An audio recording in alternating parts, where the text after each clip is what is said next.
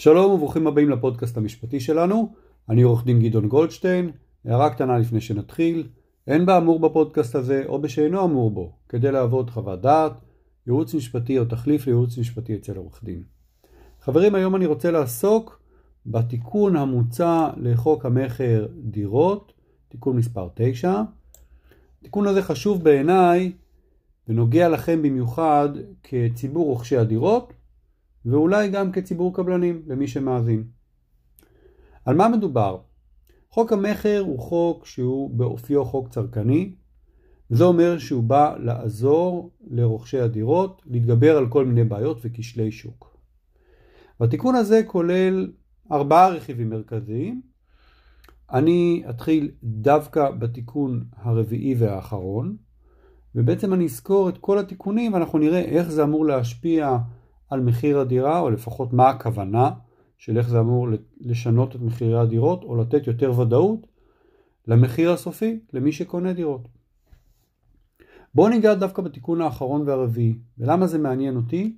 התיקון הזה קובע כי קבלן לא יוכל לגבות הוצאות משפטיות מרוכש דירה.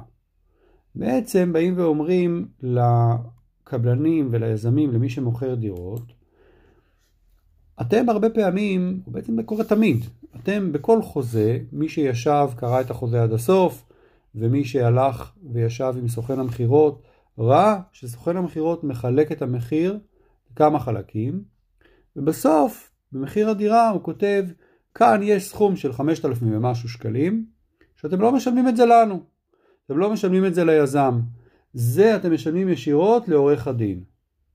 וזה אותו עורך דין של היזם, הוא מייצג אותו, הוא לא מייצג אתכם, אבל אתם משלמים לו. ולמה אתם משלמים לו?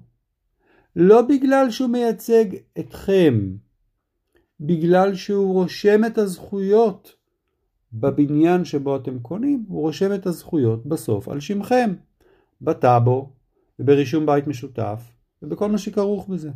ועל זה משלמים לו כסף. אגב, עד לפני כמה שנים הסכום הזה לא היה מוגבל, והיום הוא מוגבל ל-5,000 ומשהו שקלים. אבל זה חלק, זה אמור להיות חלק ממחיר הדירה, רק שזה נכנס מבחוץ. ואז אמר המחוקק, אנחנו, יש כמה סיבות למה אנחנו רוצים בעצם שזה לא יקרה יותר, אבל בעיקר אנחנו רוצים להדגיש משהו, וזה אגב משהו שאני אומר אותו כבר הרבה זמן, אנחנו רוצים להדגיש בפניכם כציבור רוכשי הדירות, שתבינו שאתם לא משלמים כאן לעורך דין, שעורך הדין לא מייצג אתכם. כי הרבה רוכשי דירות פשוט לא מסתייעים בעורך דין. אומרים מה, אם אני כבר משלם לעורך דין, אז הוא בטח גם מייצג אותי. לא. אתם משלמים לעורך הדין של הקבלן רק עבור רישום הדירה. אתם לא משלמים לו על ייצוג שלכם. אתם לא מנהלים, הוא לא מנהל משא ומתן בשבילכם. להפך. אתם משלמים לו, אבל הוא מנהל משא ומתן עבור היזם, לטובת היזם. ולכן אומרים, אם לא יהיה כתוב בחוק, סליחה, אם לא יהיה כתוב בחוזה, שאתם משלמים לעורך דין בנפרד, לעורך הדין של הקבלן, אז כנראה אתם תשאלו את עצמכם את השאלה, רגע, אני לא צריך להיות מיוצג על ידי עורך דין? ואתם כן צריכים וזה כדאי, ואני מציע לכם לפנות לעורך דין מנוסה שמכיר את התחום, ושהוא ייצג אתכם במשא ומתן מול הקבלן. אני יכול להעיד שאנחנו במשרד מטפלים הרבה פעמים ברוכשי דירות, מנהלים משא ומתן מול עורכי הדין של הקבלן, עושים בדיקות ומגיעים לתוצאות, והתוצאה הסופית היא תוצר טוב יותר ללקוח, חוזה שמגן בצורה טובה יותר על הזכויות שלו. זה התיקון שהוא כביכול אחרון, אבל אני בחרתי להתעסק בו ראשון. עכשיו בואו ניגע רגע בתיקונים האחרים. התיקון הנוסף הוא, מוצע לקבוע שאיחור במסירת הדירה יחול כאשר האיחור נגרם כתוצאה ממעשה או מחדל, אבל של הרוכש בלבד. עכשיו, מה המטרה, מאיפה זה מגיע ומה מנסים לתקן כאן. אז למי שלא יודע, בחוק המכר נקבע שאם קבלן התחייב למסור לך דירה חדשה והוא מאחר, אז הוא צריך לשלם לך פיצוי. התיקון בחוק בשנת 2011 גם אמר, אנחנו מודעים לזה שקבלנים תמיד היו לוקחים מה שנקרא תקופת גרייס, חודשיים או שלושה שבהם אומרים, אתה יודע מה, אני מאחר אבל תן לי גרייס של עד שלושה חודשים שגם אם אני מאחר, אני עדיין לא משלם לך או הכל בסדר. והחוק הגדיר את הגרייס ל-60 יום, והוא אמר מעל 60 יום אתם צריכים להתחיל לשלם פיצוי לרוכש החל מהיום הראשון. אבל אז באו הקבלנים והיזמים, כל מי שמוכר דירה והתחיל להסתייג ואמר, יש לנו את סעיף 5א-ג לחוק, והוא אומר שאם האיחור לא נובע מנסיבות שאינן בשליטתי כמוכר, וכל עוד זה באמת גם כתוב בחוזה, והאמינו לי, זה כתוב בחוזה, וזה כתוב בצורה גורפת ורחבה כמה שאפשר, אז אני לא חייב לשלם לך פיצוי. בואו ניקח דוגמה, אתם קונים דירה שהמועד החוזי שלה הוא ראשון ביולי 2022. אתם יודעים שהחוזה גם אומר, או החוק אומר שיש תקופת גרייס של 60 יום, אז אתם אומרים זה בסדר. גם אם הקבלן יאחר לי ולא יאכלס אותי ביולי ולא יאכלס אותי באוגוסט, בראשון לספטמבר, המועד שבו אני כבר צריך להכניס ילדים לבתי ספר ולגנים ורוצה להיות מסודר, אז הוא כבר, אם הוא לא עומד במועד הזה, אז הוא כבר משלם לי פיצוי. הפיצוי הוא פיצוי יפה. אבל אז בא הקבלן ואומר, רגע, רגע, יש לי סעיף בחוזה שאומר שאם אני מאחר, אבל זה לא מנסיבות שתלויות בי, אני עדיין לא משלם לכם פיצוי. למשל, סעיף כזה יכול לומר שאם האיחור נובע כתוצאה ממלחמה או ממבצע צבאי, שזה באמת לא חסרים כאלה בישראל, בטח בחודשי הקיץ, אז האיחור שנגרם כתוצאה מכך הוא לא באשמתי. או אם יש מחסור בכוח אדם ובפועלים, או אם יש שביתות בענף, אז זה לא כתוצאה משליטתי. או אם אחת הרשויות לא נותנת לי אישור למשהו ואני לא יכול לקבל טופס 4 ולאכלס אתכם, זה לא נסיבות שתלויות בי. וכן הלאה וכן הלאה, ואז אתם מוצאים את עצמכם בסיטואציה שבה הקבלן איחר במסירה, אבל הוא טוען שזה נסיבות שלא קשורות בו. אתם לא מקבלים פיצוי על איחור במסירה, וככה זה נמשך כמה וכמה חודשים, ובסוף אתם רק מתים להיכנס לדירה ומוותרים על כל הפיצוי שיש, שלכם, שיש לכם, מגיע לכם. או שאולי אתם לוקחים עורך דין והולכים לבית משפט ורבים על סכומים שמלכתחילה המחוקק התכוון שתקבלו אותם, שלא הייתם אמורים לריב עליהם בבתי משפט. אז כאן החוק בא ואומר, אנחנו רוצים לתקן ולומר, רק איחור שנגרם כתוצאה ממעשה או מחדל של הרוכש בלבד, רק אז המוכר לא ישלם פיצוי על איחור במסירה. אוקיי? עכשיו, מה זה איחור שנגרם כתוצאה ממעשה או מחדל שלכם? סתם ככה אני אומר, יכול להיות איחור בתשלום. איחור בזה שלא הבאתם אישור כלשהו.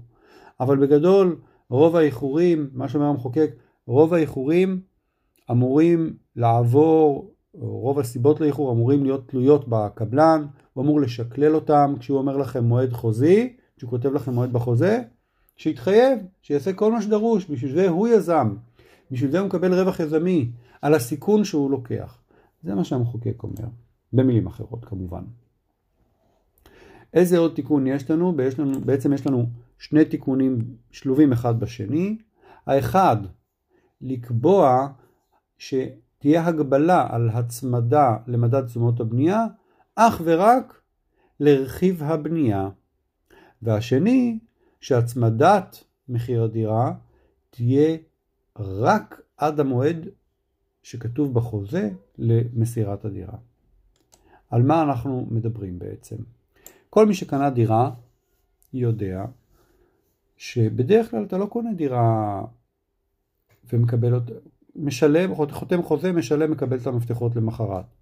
זה לא קורה לא בעסקאות יד שנייה וזה לא קורה בעסקאות רכישה מקבלן.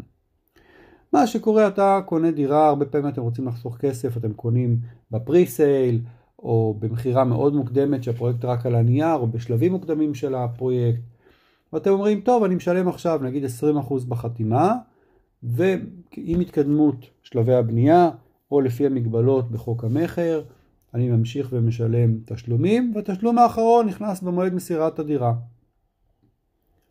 רק מה, כל מה שאתם לא משלמים במועד חתימת החוזה, מוצמד. מוצמד למדד שנקרא מדד תשומות הבנייה. זה לא מדד המחירים לצרכן הרגיל, זה מדד הרבה יותר תנודתי, והוא מושפע מעליות של תשומות בנייה ספציפיות, ברזל, עץ, הוא יכול להיות uh, תלוי בכוח אדם ובמחירי המלט והחול, שחלקם מיובאים מחו"ל, והמדד הזה גם בשנה, שנתיים האחרונות עלה המון, אומרים שהוא עלה מעל חמישה אחוזים בשנה האחרונה, היו הרבה בעיות בגלל הקורונה, המדד הזה טס למעלה. וזה אומר שאם שילמתם נניח על דירה של 2.5 מיליון שקלים, שילמתם 20% בחתימה, ואז אתם אה, רוצים לשלם את היתרה בשלבים עם התקדמות ואת הסכום האחרון לשלם עם מסירת הדירה, ויכול להיות שיש שנתיים שעוברות מהרגע שחתמתם חוזה ועד הרגע שקיבלתם חזקה, אתם תשלמו אולי למעלה מ-10%, אולי 15% וצפונה, על עליית מחירי תשומות הבנייה. זה יכול להיות הרבה מאוד כסף, וזה בוודאי יכול לקרות אם קניתם דירה בשלב מוקדם, בתכנון שלפעמים אפילו אנשים קונים דירה עוד לפני שיש היתר בנייה. כי אם אין היתר בנייה ייקח זמן להוציא אותו, ייקח זמן לבנות, ייקח זמן לאכלס, אנחנו מדברים על תקופה של 3-4 שנים בכיף. אז 3-4 שנים שבהם המחיר של הדירה מוצמד. כאן באים ואומרים שני דברים. אחד, אנחנו לא מצמידים, החוק בא ואומר, אנחנו לא מצמידים את רכיב הקרקע. אנחנו נצמיד אך ורק את רכיב תשומות הבנייה. כי הקרקע כבר נקנתה כבר קודם. אז מה שעולה עכשיו, או הייתה אמורה להיות, להימכר לכם מה, מהיזם, זה לא איזשהו קבוצת רכישה שקונים אופציות וכאלה, לא, זה יזם שמוכר משהו שיש לו, אז הוא כבר, יש לו כבר מחיר קרקע שאמור להיות סופי, ועכשיו כל מה שנותר בגדר סימן שאלה זה עליית תשומות הבנייה. כשהוא יתחיל לבנות, תהיה עלייה. וכאן מוצדק להצמיד לו, את, אבל רק, אך ורק על רכיב הבנייה, לא על רכיבים אחרים. וזה אומר לקבלן גם במילים אחרות, דע לך, אתה צריך להיזהר. אתה התחייבת למישהו, ואתה אומר שאולי מחירי הבנייה יעלו, זה בסדר. אבל אל תתחיל להרוויח על הקרקע. הקרקע לא קשורה לזה, בוא נשים אותה בצד. ההצמדה, תהיה, ההצמדה לתשומות הבנייה תהיה רק על הבנייה. דבר נוסף, וזה החלק השני השלוב בתיקון, שהפיצוע, סליחה, ההצמדה הזאת תהיה אך ורק על עד למועד המסירה בחוזה או למועד מסירת הדירה בפועל, אגב, המוקדם מביניהם.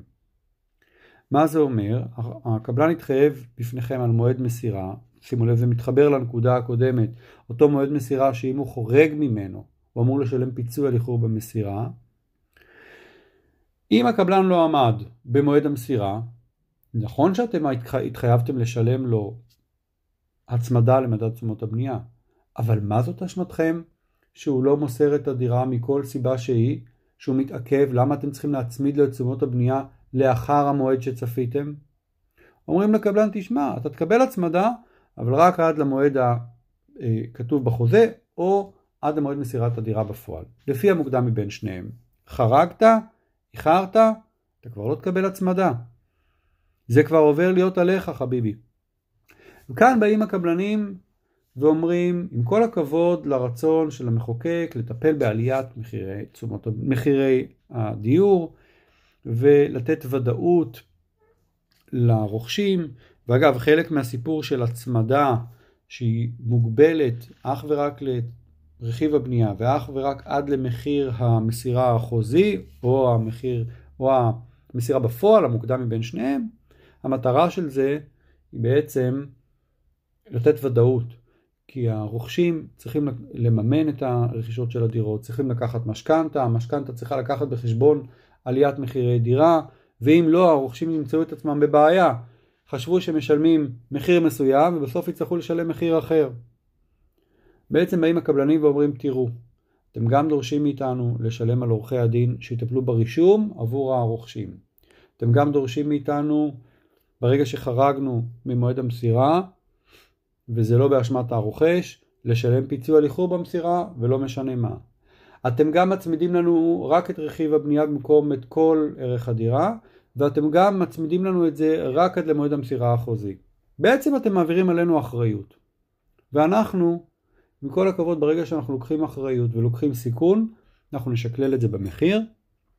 ואם חשבתם שהתוצאה הסופית היא שהמחירים של הדירות יהיו נמוכים יותר, ותהיה ודאות, ובסוף לא יהיו קנסות והצמדות וכולי, ומקסימום אפילו יקבלו גם פיצוי על איחור, אנחנו מודיעים לכם שאנחנו נשקלל את הכל במחיר, ובסוף המחירים רק יעלו. זה אחת הטענות והביקורות שנשמעו. עכשיו אם הנושא הזה מעניין אתכם, אז אני מזמין אתכם להיכנס לאתר משרד המשפטים, למשרד השיכון ולראות, אה, להגיש אה, איזושהי הערה, כי הנושא הזה, תזכיר החוק בעצם פתוח להערות הציבור עד ה-24 למאי 2022 בחצות. אתם מוזמנים להתייחס, בסוף זה נושא שנוגע לכולם. תודה ולהתראות, אני עורך דין גדעון גולדשטיין, מקווה שנהנתם.